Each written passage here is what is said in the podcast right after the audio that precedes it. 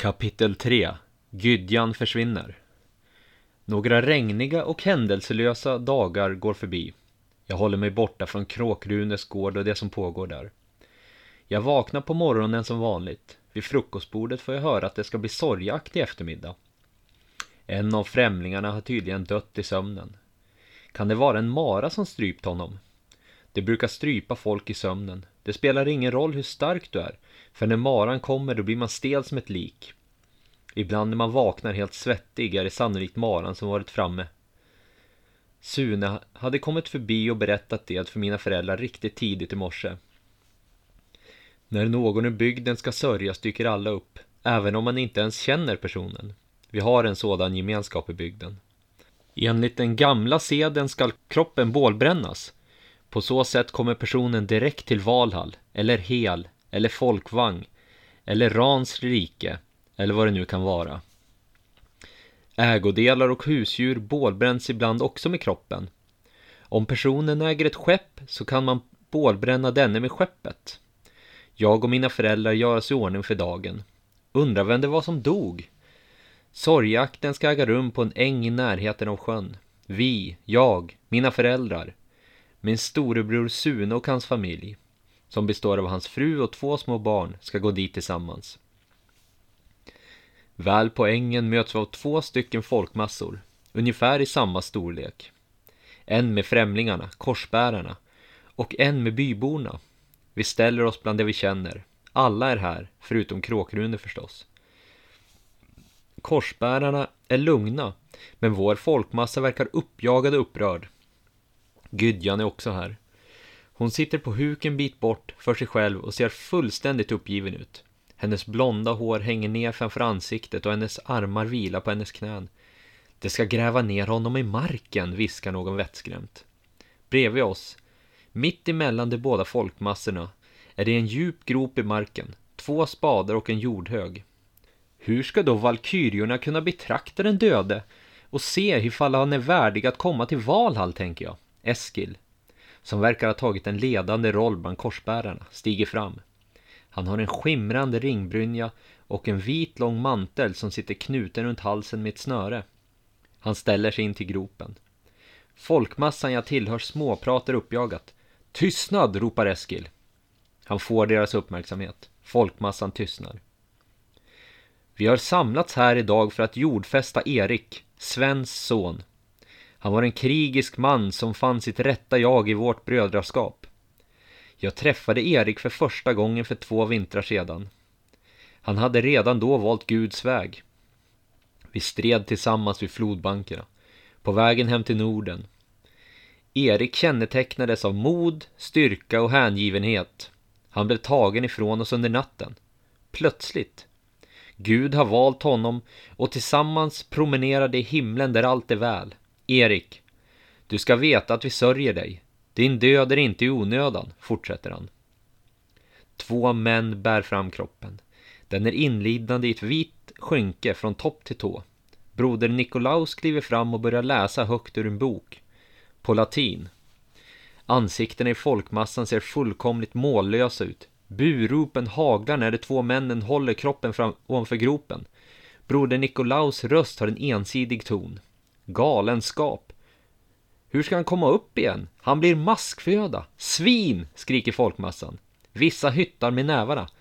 Tystnad fördömda hedningar, skriker en korsbärare. Hedningar, tänker jag. Folk ser förvånad ut. Broder Nikolaus läser vidare. Det är ett ord för sådana som oss, utbrister en äldre man. De släpper ner kroppen i gropen och de två männen tar upp varsin spade. Spade efter spade med jord slängs ner i gropen och över kroppen. Till slut är den helt täckt. En korsbärare kommer fram med ett träkors. Två brädor ihop, surrade med ett snöre, ungefär två alar högt. Han går ner på knä och bankar ner i marken in till graven, som grävs igen helt. Broder Nikolaus tystnar och stänger boken. Alla är tysta. Korsbärarna börjar sakta gå iväg. Det är väl över antar jag. Svek! Förräderi! Asarna, vanerna, disen och alverna känner sig svikna och förrådda av oss. Gallskriker Gydjan. Så högt att det knappt går att tyda orden. Hon springer fram till den jordtäckta graven och kastar sig på marken som en galning och gråter. Hennes båda armar sträcks ut och han kramar om träkorset. Hon vräker sig över det och sliter upp det i marken. Stoppa henne i Guds namn, skriker Eskil. Hon slänger korset framför fötterna på korsbärarna. En handfull av korsbärarna drar sina vapen och marscherar mot henne. Det rasslar från deras ringbrynjor. Alla blir skärrade. Gudjan är kvick i benen och springer in till skogen och försvinner. Männen inser att de inte kommer att hinna ikapp henne och stannar. Det är nog tungt att springa med ringbrynja. Eskil går fram till det halvt sargade korset och tar upp det. Han säger ingenting när han går tillbaks till graven och sätter det på sin rätta plats. Jag kan inte tro att det är sant! Ska vi bara vara tysta när dessa främmande korsbärare jagar iväg vår gydja till skogs? Utbrister Torsten av Söderhus ilsket.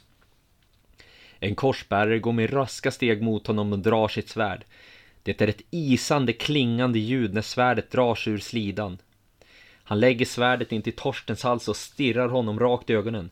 Torsten stirrar ilsket tillbaka utan att röra en min. Jorden skriker rakt ut. Korsbäraren skrattar hånfullt och tar bort svärdet från hans hals och stoppar ner det i slidan. Han vänder sedan Torsten ryggen och går iväg. Jorden springer fram och kramar om sin far.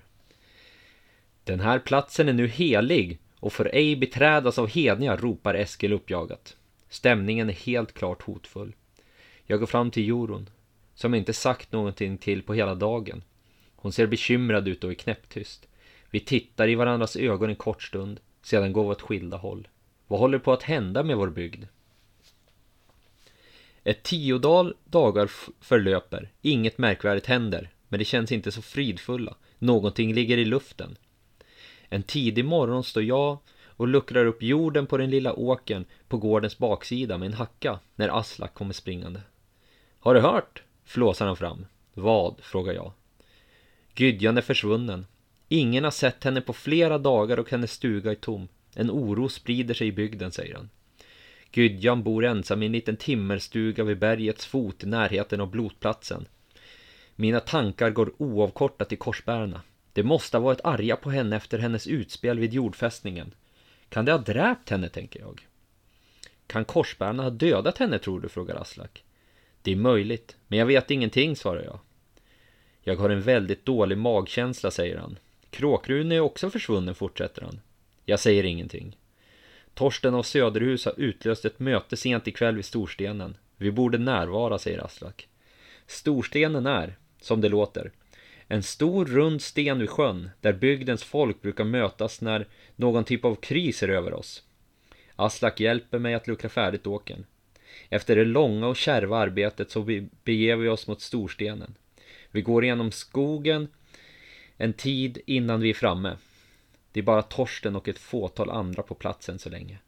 Det pratas lågt om var Gydjan kan befinna sig, om hon är mördad och vem som kan ligga bakom det. Vad kommer det innebära för bygden? Kvällen kommer och det börjar mörkna. Vi står alla vid storstenen. Platsen är upplyst med ett tiotal facklor. Fler och fler kommer. Alla gårdarnas överhuvuden är här. Även en handfull korsbärare.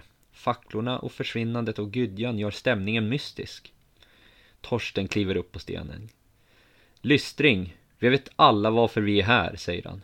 Gudjan är spårlöst försvunnen, fortsätter han. Det är dem, utbrister en äldre hesman med en fackla i handen och pekar på korsbärarna. Det är väl helt uppenbart. Det har dräpt henne för det hon gjorde vid jordfästningen. Det har säkert dräpt Kråkrune också, fortsätter han. Jag har lovat Kråkrune att inte berätta för någon att han ridit mot Fröberga för att hämta hjälp. Han borde vara hemma om ett halvt månvarv, vilket är ganska snart. Varför säger du det? Har du några som helst belägg? frågar korsbäraren. Mannen med facklan tystnar. Jag tror att gudarna bad henne lämna den här bygden efter att vi grävde ner en kropp i jorden, säger en man. Hon har säkert blivit riven av en björn eller en flock vargar, säger en annan. Det är trollen som tagit henne. Vi har alla hört historien om hur det trollar in skogsvandrare i berget. Ena stunden är det i skogen och i nästa ögonblick är det introllade i berget, säger en tredje. Hur som helst. Om hon inte kommer tillbaka så måste vi hitta en ny Gydja eller Gode. Midsommarblotet är om lite mer än två månvarv och vi kan inte tillfredsställa gudarna utan en Gydja, säger Torsten. Någon av oss måste rida till Fröberga för att få råd om vad vi ska göra, fortsätter han. Har vi någon frivillig? Frågar han rakt ut. Alla är tysta och tittar på varandra. Jag tar på mig det, säger en man motvilligt. Om jag rider ikväll så är jag hemma igen om ett månvarv, fortsätter han. Då är det ordnat. Jag föreslår att alla går hem till sig och gör allt det ni kan för att hålla friden i bygden. Vi får helt enkelt vänta och se om Gydjan dyker upp igen, säger Torsten. Han vänder sig mot korsbärarna. Vet att ni har våra ögon på er. Korsbärare, fortsätter han. Torsten vänder sig sedan om och lämnar platsen. Vi går till Gydjans hus. Vi kanske kan hitta något av värde där. Kanske kan vi se vad som har hänt henne, viskar Aslak i mitt öra. Jag tittar på honom. Tänker ett tag. Och nickar. Kanske kan vi hitta något tecken på vad som hänt henne, tänker jag. Vi börjar att gå. Efter en lång resa till fots börjar vi närma oss hennes stuga. Skogen här har något kusligt över sig. Det är mörkt ute. Men mina ögon är vana nu så att det går att se någorlunda. Jag har aldrig varit hos Gudjan tidigare. Så jag vet bara på ett ungefär var de bor. När vi närmar oss huset är det helt uppenbart att vi kommer rätt. Träden i närheten har uthuggna runor och magiska rungalder på stammarna. I grenarna hänger det träfigurer, tyger och benrester i snören. Vi måste vara hundratals träd som ser ut så. Vinden susar. Som sagt, kusligt. Nu ser jag hennes stuga, precis som för trälinjen vid bergsfoten. Det är ett ensamt ödsligt litet timmerhus. Utanför ligger en heg med ved. Dörren ser ut att vara stängd. Aslak verkar änslig och går hela tiden tätt bakom mig. En bit längre upp på berget ser jag tre stora silhuetter. Det är blotplatsen och gudafigurerna. Oden, Tor och Frej. En korp kraxar i natten. Jag är ganska trött nu efter den här långa skogsvandringen. Vi sätter oss på huk en stund och tar ett par djupa andetag. Då så, säger jag till Aslak efter ett tags vilande. Jag kliver upp och går fram till huset. Dörren och väggarna är täckta av inristade runor, symboler och figurer. Jag känner på dörren. Den är olåst, så jag öppnar den på vid gavel. Det är en sådan dörr man öppnar utåt. Det är för mörkt för att se in ordentligt. Jag vänder mig om. Akta! skriker jag rakt ut. Aslak sitter fortfarande på huk men studsar upp som en galning när han märker att det står en enorm brunbjörn ett par famnar bakom honom. Den ställer sig på bakbenen och ryter förskräckligt. Jag känner ända in i benmargen. Aslak springer så fort mot mig att han fumlar sig fram. Vi rusar in i huset och stänger dörren efter oss. Med all vår gemensamma kraft håller vi fast dörrhandtaget. Oden ger oss styrka, tänker jag. Huset har inga fönstergluggar, så vi ser ingenting. Björnen ryter ilsket därute. Den kastar sig mot väggen så att hela huset skakar. Varje hårstrå på min kropp reser sig. Det känns även som att något ont redan finns här inne med oss. Vem vet vad Gydjan har för väsen som förändrar? Här finns sannolikt både vättar och småtroll. Det är becksvart här inne. Björnen ryter där ute. Vi hör björnens tunga steg och flämtande på andra sidan dörren. Aslak rotar fram en bastant trästav. Vi träden genom dörrhandtagets ögla och ut över dörrkarmarna. Det borde hålla. Dörren borde vara låst nu. Ögonen har vant sig vid mörkret lite grann och det går att se lite smått. Huset är fullt av bråte, tråg, fat, dryckeshorn, tyger och brädor överallt. Fullständig oordning. Det är lågt i tak och hela huset känns trångt. Det finns ett bord och två pallar, vi slår oss ner. Väggarna är täckta av inristade symboler och ett fåtal tygbonader. Det luktar svagt av rökelse. Här kommer man inte hitta något av värde, tänker jag.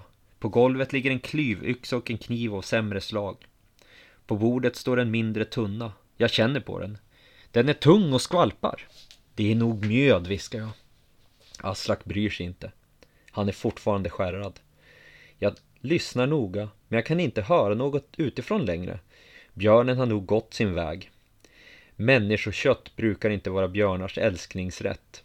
Vi stannar här i natt, säger Aslak med en skakande röst. Jag instämmer. Mina ögon begrundar husets insida. Jag tar upp ett horn från golvet och fyller det från tunnan. Lukten går inte att ta miste på. Det är mjöd. Helläger, rusdryckens gud. Aslak vaknar till. Han är sugen på mjöd. Vi turas om att dricka ur samma horn ända tills tunnan är tom. Vi stannar i den trånga, ödsliga stugan hela natten. Utflykten hit ger oss ingenting förutom ett tillfälligt mjödrus och en klivyxa. Den är bra att ha ifall björnen vill överraska oss på vägen hem. Huset har inga tecken på våldsamheter, inget blodstänk, ingen inslagen dörr, ingenting. Att komma hit var ett slöseri med tid. Solen går upp dagen därpå och vi beger oss hemåt. Huset är fint beläget med utsikt över sjön. De utsmyckade träden ser inte alls lika kusliga ut i dagsljus. Om korsbärarna har dräpt Gydjan så har de sannolikt även grävt ner henne, säger Aslak nedsämt.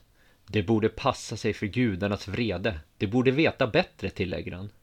Vi kommer överens om att vi bör gå en omväg för att inte komma för nära in på korsbärarnas läger.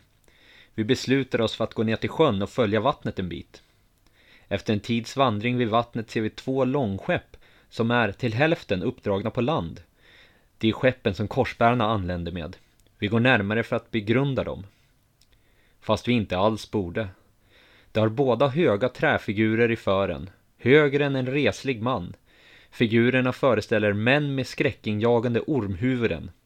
Skeppen är stora och långa. Ett tjugotal bänkrader, en stor eldkorg och otroligt mycket lastutrymme i varje. Sidorna är låga. Det har höga mastor i mitten med hopsurrade segel redo att fällas ner. Vi lutar oss in över relingen på det närmsta skeppet för att se bättre. Då jag helt plötsligt känner någonting som sticker mig i ryggen. Lägg ner yxan nu, säger en bestämd röst.